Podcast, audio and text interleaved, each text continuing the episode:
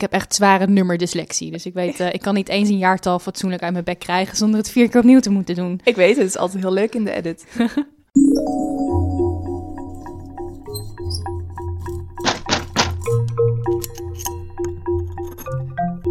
Al sla je me dood.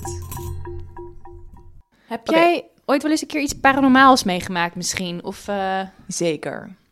Ik werkte op een gegeven moment in een schoenenwinkel. Ik was 16, denk ik, 17. Diep in Zeeland. De schoenenwinkel had op de bovenverdieping een magazijn. En dan daarboven waren nog twee etages die stonden leeg. En in die winkel heb ik wel verschillende dingen meegemaakt die echt best wel gek waren. Zo was er op één plek, heel specifieke plek in de winkel, was er een plek waar het altijd naar sigaren rook. Terwijl niemand dat rookte en ook niet de buren en nergens in, in de omgeving. Oeh. En er waren ook geen klanten die dat deden of zo. Goed, daarvan kun je denken dat is gewoon een beetje gek. Kreeg je ook rillingen als je daar was dan? Of, of Ja. zeg maar een soort van ha- haartjes in, de, in je nek die dan overeind gingen staan? Ja, op verschillende plekken in het magazijn voelde ik dat. En op een gegeven moment hadden we het er een beetje over met de, met de andere mensen die daar werkten. En die zeiden allemaal, "Oh, ik heb dat ook, ik heb dat ook. En toen zeiden we, oké, wacht, we stoppen nu met praten. En we gaan even een soort van schetsje van de plattegrond van het magazijn. En dan kruisen we allemaal aan waar we dat precies voelen. En dat hadden we allemaal op dezelfde plekken. Oh, wat slim.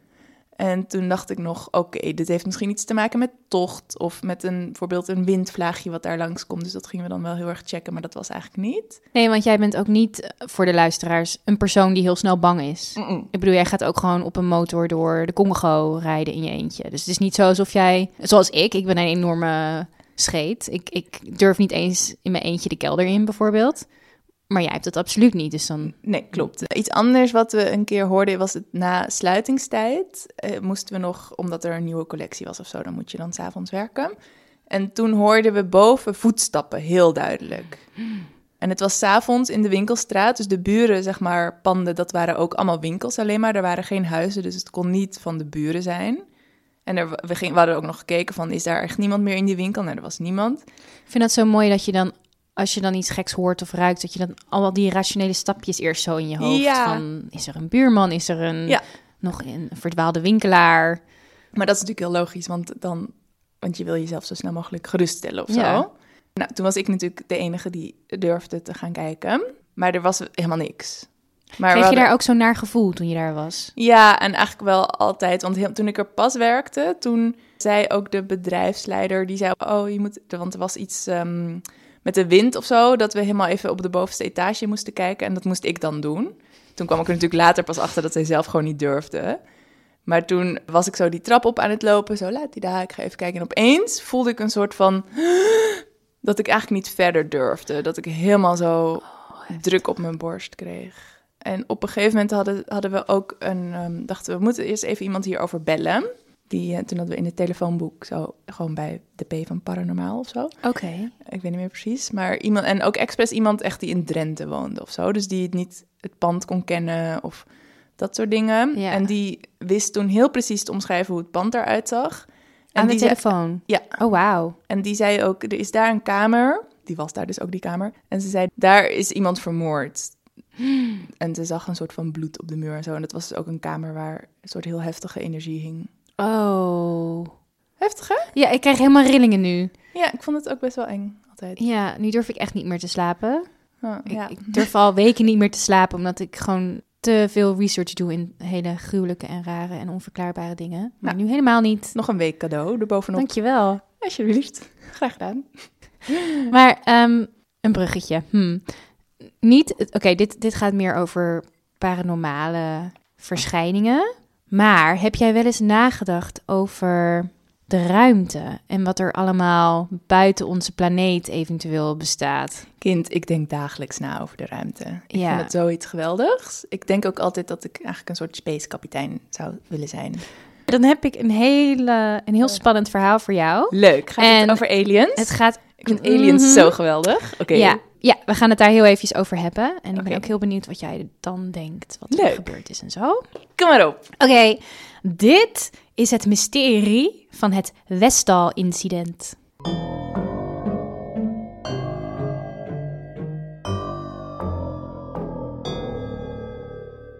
Het was een zonnige ochtend, rond een uur of elf, op 6 april 1966 in de wijk Westall in Melbourne, Australië. In Westall High School waren de lessen volop aan de gang. Sommige kinderen zaten in het klaslokaal hun les te volgen en een ander deel had buiten gymles. De tiener, Terry Peck, was buiten aan het sporten en ineens hoorden ze een hele commotie om zich heen. Kinderen begonnen te gillen en door elkaar te rennen en iedereen die keek en wees naar boven. En toen Terry ook keek, zag ze waar de paniek vandaan kwam. In de lucht verscheen een grotere zilveren disk. Het hing heel laag in de lucht en maar net boven de school. Oh. En één jongetje durfde het als eerste te zeggen. Die riep heel hard: Kijk, een vliegende schotel! Net op dat moment ging de schoolbel, dus de commotie werd nog heftiger. Kinderen die binnen zaten, die hadden het ook al gezien en die renden naar buiten omdat ze wilden weten wat er aan de hand was. Andere kinderen waren bang en die wilden naar binnen rennen en een leraar zoeken. Leraren die liepen ertussen en die probeerden zeg maar de orde te houden. Maar inmiddels buiten, zo'n 50 meter boven de grond van het sportveld, zo ongeveer net zeg maar boven een hoge boom, Ja. hing een heuse vliegende schotel. Oh. Inmiddels raakten de leraren ook in paniek, want die zagen het ook. En één scheikunde leraar was heel slim. Die pakte haar camera en die begon foto's te maken Oh ja, van het hele heel goed. incident. Ja, dat, wilde ik, dat vroeg ik me direct al af. Zijn hier bewijzen voor? En een andere leraar, die was zo in paniek. Die rende naar binnen om een wiskundeleraar te zoeken om te vragen wat er in hemelsnaam buiten aan de hand was. Want misschien wist een slimmer iemand wel waarom er een zilveren disk in de lucht hing. Ja, slim. Ik zou ook naar de wiskundeleraar gaan. Dat zijn denk ik wel echt de slimste mensen. Ik denk het wel, ja. Ja. 117 leerlingen en leraren zagen het hele gebeuren. En wat ze zagen was het volgende. Het object vloog hoog in de lucht en over de school. Toen zakte het over een sportveld en bleef daar dus zo'n 50 meter boven de grond hangen. En het was een hele grote disk. Ja. En heel, heel dun, met een soort van bobbeltje erbovenop. De typische UFO, zoals je hem zou tekenen. Precies de UFO zoals je hem in, in alle verhalen ziet. Daarna, nadat het dus zeg maar even een paar minuten boven die grond was blijven hangen, toen schoot het object de lucht weer in met zo'n indrukwekkende snelheid en kaarsrecht. Dus En- recht omhoog, zeg maar. Ja, dus het ging zo poef, Mhm. zo heel snel de lucht in. En toen vloog het naar een soort van bosachtig gebied achter de school. Dat heette The Grange. Dat was zo'n 200 meter achter de school. En ooggetuigen zagen toen ook tiental andere vliegende objecten in de lucht. Veel hoger, die Oh. heel snel wegvlogen. En andere ooggetuigen beweerden ook dat ze vijf, zeg maar, normale menselijke vliegtuigen zagen. Die achter die vliegende objecten aan schoten. Nou, The Grange was een geliefde plaats voor leerlingen van de Westall School. Dat is dat bos. Dat is dat bosje net achter de school. Heel veel kinderen speelden daar en ze sportten daar. En voor de wat oudere leerlingen was het zeg maar de plek om sneaky een sigaretje te roken. Of even te kussen. Ja, we deden dat altijd achter het fietsenrek, maar ik ben in een stad opgegroeid. Mhm. Dus... En dan zo één peukje delen met z'n tienen. pre-covid hobby's. So cute. Het vliegende object was geland op een open plek in de Grange. En sommige leerlingen vielen echt alleen maar al van het zien van dat vliegende object flauw. En andere kinderen die waren zo nieuwsgierig, die renden erop af. Op die plaats waar ze dat object hadden zien landen. Want hij Ja. was inmiddels geland. Nou, onze Terry Peck was een van de leerlingen die daar als eerste heen rende. En ze was ook een van de snelste. Toen ze daar aankwam waren er alleen nog maar twee andere kinderen. Eén meisje, dat heette Tanja. Die was helemaal hysterisch aan het huilen en aan het schreeuwen. Maar die was wel meegerend. Die, was, die stond al voor die UFO, voor dat vliegende schotel. En een ander naamloos meisje, ik weet niet hoe ze heette, maar er was nog een ander meisje. Ze had vast wel een naam. Ja. Ja, nee, ze, heet, ze heette naamloos. Haar ouders die hadden geen inspiratie. ja. Die was inmiddels al gewoon flauw gevallen.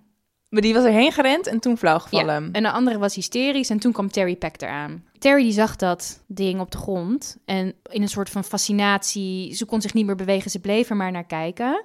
Toen zag ze dat die schotel zich kantelde, 90 graden zo op zijn zij. En toen schoot het kaarsrecht in de lucht en was meteen verdwenen. Het ging zo snel.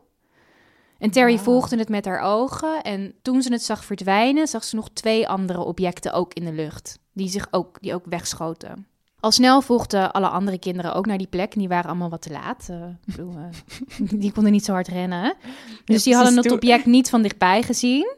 Maar ze zagen het wel allemaal dat het geland was en dat het weer omhoog de lucht in schoot, heel snel. Ja, want ze zagen dat dan soort boven de bomen verdwijnen of zo. Ja, en ze zagen ook toen ze daar aankwamen, zagen ze op de grond, waar die schotel dus een paar minuten, het zal niet langer dan een minuut of twee, drie geweest zijn, op de grond had gestaan, zagen ze een enorme grote indruk.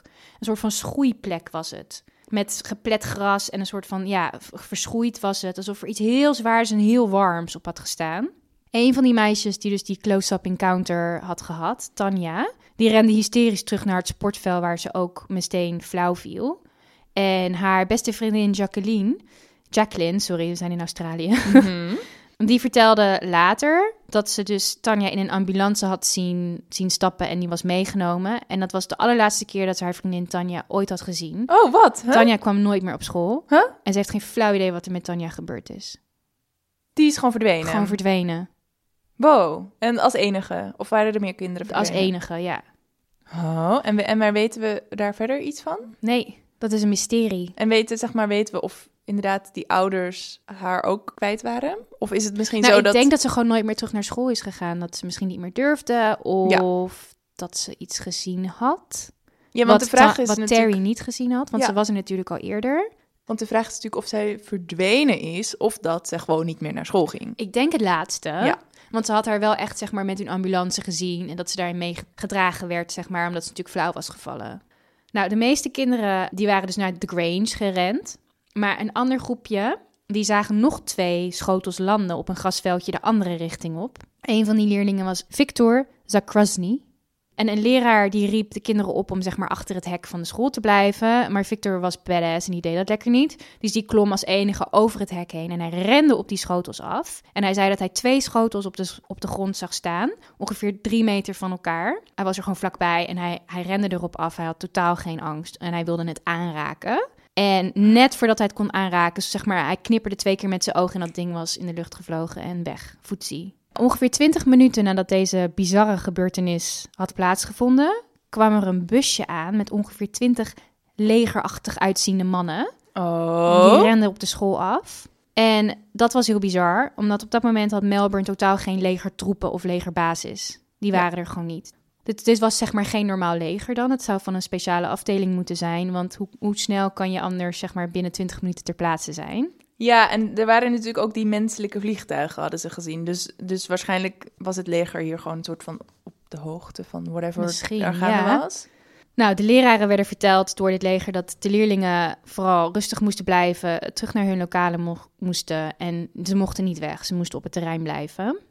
Nou, zoals gezegd hadden 117 leerlingen en leraren die UFO's gezien. Het, waren, het, wa- het was niet alleen onze lieve Terry en Victor. Echt heel veel kinderen en volwassenen hadden precies hetzelfde gezien. Mag ik daarbij zeggen dat ja, je natuurlijk op een gegeven moment aan elkaar gaat vertellen wat je gezien hebt... en dat daardoor ook de verhalen op één lijn komen? ja, dat kan. Daar kunnen we het later ook over hebben. Oké, Wat ja. een mogelijke oorzaak zou kunnen Ja. zijn hiervan. Maar goed, na de lunch, toen de gemoederen iets gekalmeerd waren en de leerlingen iets meer tot rust waren, toen werden ze bij elkaar geroepen in de kantine. En daar werd de directeur op het podium geduwd en die vertelde aan de hele school: Ik weet niet wat er net gebeurd is hoor, maar jullie hebben echt geen vliegende schotels gezien.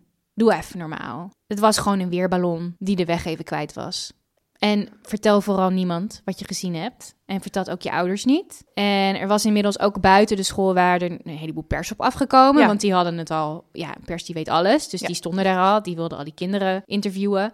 En de directeur zei ook, jullie mogen absoluut met niemand van de media praten hierover. Oh ja, dus er, er was helemaal niks gebeurd, maar je mag er met niemand over praten. Ja, Mhm. dus het was een heel goed staaltje gaslighting, zeg maar. En weet je nog, die scheikundelerares, die super slim was. Die had die- foto's gemaakt. Ja, ze heette Barbara Robbins. Een andere leraar zei dat hij getuige was. Dat hij later in de gang had hij haar zien ruzie maken met een onbekende man in zo'n soort legerachtig uniform. En die eiste dat zij niet alleen het rolletje, maar haar hele camera aan hem gaf. En dat wilde zij niet. Nee. Zij zei: Nee, ik, ik wil weten wat er op die foto staat. Ik wil Ja. weten wat er. Ik, ik wil gewoon mijn foto's houden. Fuck you. En dus die, die was flink aan het bekvechten. Maar uiteindelijk verloor ze het gevecht en moest ze haar camera afstaan aan dit soort van officieel-achtige uniform, meneer. Wow, wat spannend. Ja. Ja, maar Nou- dat is natuurlijk niet voor de grap. Zeg maar, daar stond echt iets op die foto's. Ja. Ja, Anders dan, dan doe je er niet zo je, zoveel moeite voor. Nee, ja, zij wist gewoon wat ze gezien had en ze wist dat ze foto's had gemaakt. Achter de dranghekken van de school stonden allemaal journalisten. En een aantal leerlingen die hadden zoiets van: ja, dag, ik ga lekker wel kletsen. Er waren een paar waarvan ik later in een interview had gezien dat ze dus vertelden dat ze een interview hadden gedaan. Nou, als je wil weten wat die kinderen gezegd hebben, Succes. Alle tapes zijn gewist. Er is later een documentairemaker. Die heeft een documentaire gemaakt die heette Westall 66. Die ging dus op zoek naar al die interviews, omdat hij wilde weten: oké, wat werd er toen op dat moment gezegd? En gewoon onderzoek doen. En die is het archief ingedoken van het lokale journaal. En hij vond van jaren terug, van, vanuit heel 1966, vond hij elke nieuwsuitzending, elke tape. Maar die van die dag, die was weg. Wauw. Maar hij had een enorme operatie om al die journalisten, zeg maar, te tracken en al hun tapes te wissen en zo. Ja, of iemand heeft gebeld en gezegd, een soort van, geef het maar aan mij. Net zoals we bij Bar- Barbara Robbins, die scheikundelerares, hadden gezegd van, geef dat maar aan mij. En ja, niet alleen de kinderen van die school hadden die UFO zien vliegen. Er waren ook een aantal mensen die in de omgeving aan het werk waren. Die hadden ook het vliegende object gezien. Een van die mensen was een tuinman, Paul Smith. Die was aan het werk vlak naast de school. En die zag ze ook vliegen, zo te speak. en hij zei dat het, hij dacht in eerste instantie dat het een soort van projectie van een film in de lucht was. Hij dacht het zag, er, het zag eruit als een film. En er was zoveel licht en kleuren omheen dat hij echt gewoon drie keer moest knipperen voordat hij doorhad wat hij zag. En hij zei dat hij, nou ja, vlak nadat hij dat gezien had, zag hij al die kinderen die straat doorrennen, al recht op die UFO af. En hij zei ook dat hij na ongeveer 20 minuten, dus al die legertrucks die straat in zag rijden en naar die school gingen. Nou, er waren superveel speculaties over dit leger. Want zoals gezegd, er was op dat moment geen legerbasis in Melbourne. Dus waar kwamen die mensen vandaan? Was het wel het echte leger? Was het wel het echte leger? En ze droegen ook een uniform dat niemand echt kon plaatsen. Het was niet het Australische legeruniform. En ook geen politieuniform of wat dan ook. Een andere ooggetuiger die dus ook dat, ja, ik noem het maar een leger, maar dat dus ook die truck met die mannen zag, was Les Medew. En hij vertelde dat hij met zijn zus, hij zag die mannen, die tanks, die straat doorrijden, of die, die trucks. En die is daar toen op afgerend. En hij zag mannen in zowel een camouflage-uniform, dus echt wat, wat lijkt op een leger, en ook een soort van donkerblauw uniform. En hij zag ze lopen op die plek in de Grange, waar dus dat, die schotel geland was. Met een soort van metaaldetector zag hij ze daar. Volgens bronnen had het Australische leger toenertijd geen camouflage-uniform. Het was een soort van kaki-bruin even soort van ding. Dus er werd gespeculeerd dat, er, dat dat niet het Australische leger was. Dat dachten we eigenlijk ook. Maar dat het de Amerikaanse luchtmacht was. Oh. Want die was toen in Australië, hadden ze daar een basis, eh, in verband met de Koreaanse oorlog. oh ja, oké. Nou, Ah. in de documentaire Westall 66 gaan ze dan ook nog verder op zoek naar papierwerk. Eh, ze wilden bijvoorbeeld kijken of ze konden zien wie, er, wie die vliegtuigen waren in de lucht. En nou, ze konden helemaal niks vinden. Alles was vakkundig geweest. Ze konden niks vinden of ze werden niet te woord gestaan. Het was gewoon, ze konden helemaal niks van papierwerk vonden. Ook niet van de plaatselijke vliegveld om te kijken of daar toevallig vliegtuigen waren die misschien helemaal ergens anders heen gingen, maar misschien hadden ze dat wel gezien. Ja. Alles was, ze kon, het was gewoon een doodspoor. Wauw. Nou, de leerlingen zelf zeggen dat ze één voor één het kamertje van de directeur ingeroepen werden. Vooral die leerlingen die, zo, zeg maar Terry, die zo dichtbij was geweest. Ja. Die kinderen die tegen de media hadden gepraat. En toen ze daar kwamen, waren er mensen soort van, van de overheid of van de geheime dienst, zeg maar officieel uitziende mannen. En nu denken ze zelf met de kennis van nu dat ze van de Australische geheime dienst waren of zo. Mhm. Die werden dus daar ook verteld van je hebt niks gezien. En vertel er ook maar niks over. Je mag niks zeggen tegen iemand anders. Dus die werden een soort van bang gemaakt. Nou, een paar kinderen die vonden dat inderdaad heel eng en die hebben er nooit meer wat over gezegd. Maar er zijn ook een heleboel kinderen die inmiddels volwassen zijn, die jarenlang gewoon bij hun verhaal blijven en, en er nog steeds over praten en dat allemaal durven. Er was ook een leraar, die heette Andrew Greenfield. Die beweerde dat er diezelfde soort agenten bij hem thuis gekomen waren en hem ook gedwongen hadden om niets te zeggen over die vliegende schotels. En die Andrew dacht, ja, dag, ik doe dat lekker wel, want er is iets aan de hand. Eh, Ik heb wat gezien. En toen werd hij echt, zeg maar, bedreigd. Oh. Werd hij verteld van, wij gaan tegen mensen zeggen dat jij een alcoholist bent. We gaan ervoor zorgen dat je je baan kwijtraakt. Je kan nooit meer een baan vinden als je niet nu naar ons luistert. Dus die die werd echt behoorlijk bedreigd, zegt hij zelf. Dus, Wow. dit was het hele verhaal.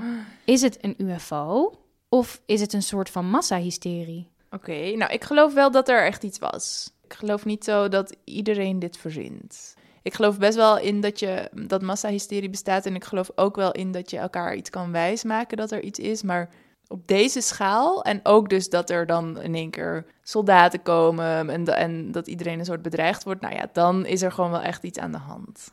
Ik heb een beetje een rijtje gemaakt van redenen waardoor het een massahysterie kan zijn en redenen waarom het misschien toch een UFO kan zijn. Ja, of, maar er is nog een derde optie, denk ik. Ik denk dat het ook wel iets van mensen kan zijn, zeg maar. Dus misschien van de Koreanen wel, of van iets, of iets wat ze gingen uittesten. Een soort nieuwe gevechtsvliegtuigen of zo. Dat het ja. een door mensen gebouwd vliegtuig, maar dan zonder die vleugels of whatever. ja, dat ze dus wel gewoon echt iets gezien hadden, maar dat het een Ja, soort dat- van gehyped werd in een soort van UFO-jasje gestoken, maar dat het misschien gewoon een heel ander soort, een Ja. heel andere soort, meer rationele verklaring had wat ze gezien hadden. Ja, en dat het gewoon iets was van het leger wat ze aan het uittesten waren en wat gewoon super geheim was, omdat ze dus midden in die oorlog ook zaten of zo. Zo, Ja. dat, dat dacht ik de hele tijd dat dat Ja. het meest logische was. Ja, en, en zeg maar puntjes waardoor het een massahysterie toch zou kunnen zijn. Ja, noem is- even op. Op dat moment, eh, in 1966, was er natuurlijk de Koude Oorlog tussen de VS en de Sovjet-Unie. En die speelde zich ook heel erg af in, in de ruimte. Hè? Er was een hele soort van race om de ruimtevaart. Wie landt als eerste op de maan? Dus het idee van de ruimte en wat bestaat er buiten onze planeet was op dat moment heel erg in. En UFO's ook. Je had een aantal jaar eerder, in de jaren 50, had je een enorme, eh, een aantal jaren, enorme vlaag van allemaal UFO-spotting eh, waarnemingen. Eh, waaronder had je Roswell. Dat was een hele bekende UFO-waarneming in een soort in New Mexico, geloof ik, in Amerika. Ik weet, heb je daarover gehoord? Nee. Die is echt wel de beroemdste. Waarin een heleboel mensen ook UFO's gezien hadden. En ehm, wat ja. ook op dezelfde soort manier onder de, zeg maar, de tafel werd geveegd. Dus het zou best kunnen dat dat hele idee van UFO's en, en, en vliegende schotels bestond gewoon toen. Ja. En was best wel levendig ook. Dus het zou best kunnen dat het daardoor toch een soort van vonkje in die kinderen en misschien ook een paar leraren is ontstaan. En kinderen zijn natuurlijk heel erg gevoelig voor massahysterie. Als ik aan mezelf denk, en toen ik op school zat, ging ik ook heel erg mee in verhalen die er rondgingen, weet Ja. je? Dus dat is, iedereen gaat daarin mee. En, Tuurlijk, eh, ja. En wat je ook zei, één iemand vertelt wat en een ander neemt dat over of vult het in. Maar aan de UFO-kant, het idee van UFO's bestaat al langer dan de jaren 50 en 60. Het is ongeveer zo oud als de mensheid zelf. Ja, er zijn toch ook hieroglyphen gevonden waar dan u, zeg maar diezelfde vorm getekend is. Ja, er zijn gewoon godtekeningen van UFO's gevonden. Precies diezelfde vliegende schoteltjes idee als wij eh, hebben. Ja. En er zijn teksten uit het Romeinse tijdperk waarin vermeldingen staan over schepen in de lucht en vliegend licht. Weet je wel, het is niet een nieuw idee wat toen der tijd ineens een hype was. Dus het zou best kunnen dat Ja. het wel is. Of zoals jij zei, een derde, wat waarschijnlijk de meest aannemelijke is. Dat ze echt wat gezien hadden, maar dat het geen UFO was, maar iets anders wat gewoon geheim overheid eh, was. Het is natuurlijk, UFO is unidentified, ongeïdentificeerd. Dus dat betekent niet per se dat het van buiten de aarde is. Het is gewoon niet geïdentificeerd. Dus je weet niet wat het is. Dat is eigenlijk alles wat je ermee zegt. Maar wat ik ook net zat te denken, is dat het waarschijnlijk wel aliens waren. De hele tijd al, dus ook in de Romeinse tijd en in die, in die rotstekeningen en zo. En toen dacht ik, ja, maar waarom zijn ze er dan nu niet meer, weet je wel? Waarom zien we, zien we er nooit meer iets van? En toen dacht ik, ja, maar die, die aliens, die, die kregen natuurlijk... Kijk, in de jaren zestig kwamen ze nog een paar keer. En toen merkten ze van, hé, hey, er zijn opeens camera's... en we worden de hele tijd vastgelegd. Dat willen we niet. Dus die zitten nu ons weer te bespioneren. En dan zien ze dat wij gewoon constant alles vastleggen... met al onze camera's in, in on, waar we mee vergroeid zijn. Dus die denken gewoon, ja, later, eh, we komen niet meer. Mhm. Dat is een beetje te gevaarlijk nu. Ja, en het idee van dat tijd lineair is, is natuurlijk iets wat misschien gewoon alleen maar op onze aarde leeft. Klopt. Dus het idee dat al die jaren, eeuwenlang UFO's komen, misschien zijn ze één keer geweest, maar omdat tijd voor hun op een andere manier loopt, bijvoorbeeld. Ja, dat kan ook heel goed. Maar ik heb nog een bonus voor jou, een bonusverhaal. Oh. Want toen ik dit zat te, te researchen, stuitte ik echt op een web vol met alien-theorieën. Oh, kom maar door. En sommige dacht ik echt, oh my god, nu moet ik echt even stoppen. Want er er is ook gewoon bijvoorbeeld een Wikipedia-pagina over hoeveel verschillende soorten aliens er zijn. En toen dacht ik, oké, nou nu gaat het te ver. maar er is nog één ander incident, ook op een school, wat hier heel erg op lijkt. Oh. Maar dit gaat nog een stapje verder. Wat dan? Ik kon er niet zoveel informatie over vinden als eh, de Westall-incident, omdat dit speelt zich af in Ruwa in Zimbabwe, in de Ariel School, op 16 september 1994. Oké. Ja, dus iets minder lang geleden. Het was zeg maar, de Ario school was net buiten Ruwa. En dat is, dat is gewoon zeg maar in the middle of nowhere. Er is bijna niks daar. Maar het was wel een privéschool. Waar rijke kinderen uit de buurt heen gingen. En eh, van allerlei etniciteiten. En dat, dat zeg ik er even bij, omdat het interessant is. Ja, eh, om... in Zimbabwe in een dorpje in de middle of nowhere zou Ja. je niet denken allerlei etniciteiten. I know, ze waren zwart, ze waren wit, ze waren gemixt. Ze waren als Aziatische kinderen en families die daar werkten en woonden. Misschien is het een plek waar heel veel eh, expats zijn door bepaalde... eh, Ja, dat heb ik niet verder onderzocht, maar dat zeg ik er even bij, omdat het interessant is dat kinderen vanuit allerlei culturen hetzelfde gezien hebben. Ah ja, Die hadden precies eenzelfde verhaal. Kinderen hadden ochtendpauze. Het was tien uur 's ochtends. Waren lekker aan het buitenspelen. De leraren waren toevallig allemaal in overleg in de school. ja. Op één iemand na die eventjes eh, de wacht hield. En toen zagen die kinderen precies hetzelfde. Die zagen één UFO vliegen. Die landde net achter de school. ook zo'n schotelvorm. Ook zo'n schotel. Ze renden allemaal het schoolplein af naar die UFO toe. En wat toen een handjevol kinderen gezien hebben, die zagen echt twee aliens En hoe zagen die eruit? buiten het schip staan. Het waren van echt van die typische aliens zoals je denkt dat het aliens zijn. En dat, dat heeft een naam. Ik ga het even raden wat je bedoelt. Ik denk dat je bedoelt van een beetje groenig uitziende mm, eh, mannetjes met heel korte beentjes. Een beetje een blobfiguurtje, zo rond. En dat ze dan op hun kopje hebben ze dan zo van die sprietjes en daar zitten dan die ogen op. Nee, soort van bijna. Oh, Deze alienvorm heet de Greys. Dus de Huh? grijze mannetjes. Dus wat die kinderen zeiden, wat ze gezien hadden, was ze waren heel klein. En ze zagen er, ze waren wel zeg maar in een, in een soort van bouw van een man. Van, van een mens. Ze hadden armen en benen en voeten en een gezicht.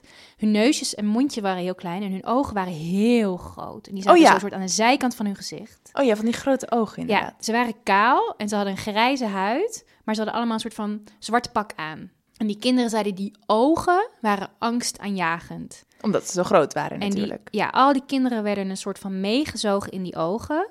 En die voelden dat ze telepathische boodschappen kregen En wat- van die aliens. En wat zei die alien dan tegen ze? En nou, een stuk of 10, 20 leerlingen zeiden dat zij het gevoel kregen dat de aliens hun waarschuwden over technologie. Dat technologie slecht is voor de aarde. En dat de natuur eraan zou gaan. Dat dus de wereld kapot zou gaan vanwege technologie. En daarbij kregen ze ook allemaal heel sterk een gevoel alsof die aliens hun mee wilden nemen. Ik kreeg helemaal Zowel kipvel. dat ze waarschuwingen kregen als dat ze meegenomen werden. En toen waren ze weer weg ook. Echt weer zo snel als dat we ook in Australië zagen. Zo knip in de vinger, poef. Er is een hele mooie documentaire, dat heet The Phenomenon. Dat gaat ook allemaal over UFO's. En daarin is aan het einde is er ook een segment over dit incident in die school in Zimbabwe. En daarin vertellen al die kinderen nu wat ze toen voelden. Eigenlijk geloof ik dit gewoon. Ja, ik ook. Je moet ook echt die docu kijken, de Phenomenon. Het is Ja. ook echt... eh, het is natuurlijk wel een, ehm, een soort van eh, opiniestuk, hè? Het is natuurlijk wel iemand die heel... Het is gemaakt door mensen die er heel erg in geloven. Dus dat is, vind ik altijd heel belangrijk als je zulke soort informatie op je neemt. Dat er natuurlijk ook gewoon een andere kant is. Misschien een Ja. wetenschappelijke kant. Maar het is wel iets heel erg interessants om over na te denken. Ja. En ik word er zelf ook heel bang van. Oh, ik word er niet bang van. Ik ben juist wel een beetje gerustgesteld. Want er zijn dus dan aliens ergens op een andere planeet... die eigenlijk gewoon het beste voor ons willen. Ik bedoel, de mens is natuurlijk gewoon echt kankergezwel van de aarde... want wij maken alles kapot. Maar dat er dus aliens op een andere planeet zijn die dat zien... en die denken, wat kunnen we nou doen om ze te helpen... en dat ze dat niet gaan doen. Dat stelt me heel erg gerust.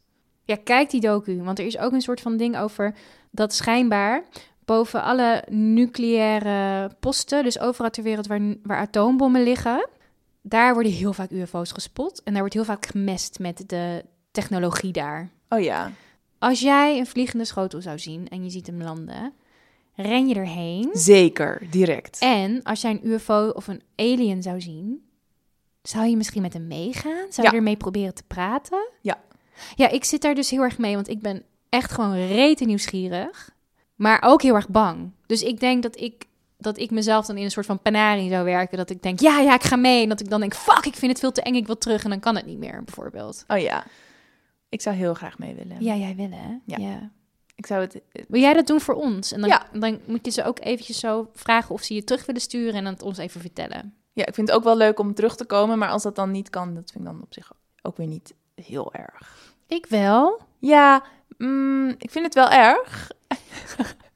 Eh, maar ik denk wel dat het... Het is natuurlijk ook COVID-time, quarantaine-time. Ik zit me wel echt een beetje te vervelen. Dus ik dacht wel, als ik nu even met, eh, met een alien mee kan, is het wel echt een leuk avontuur.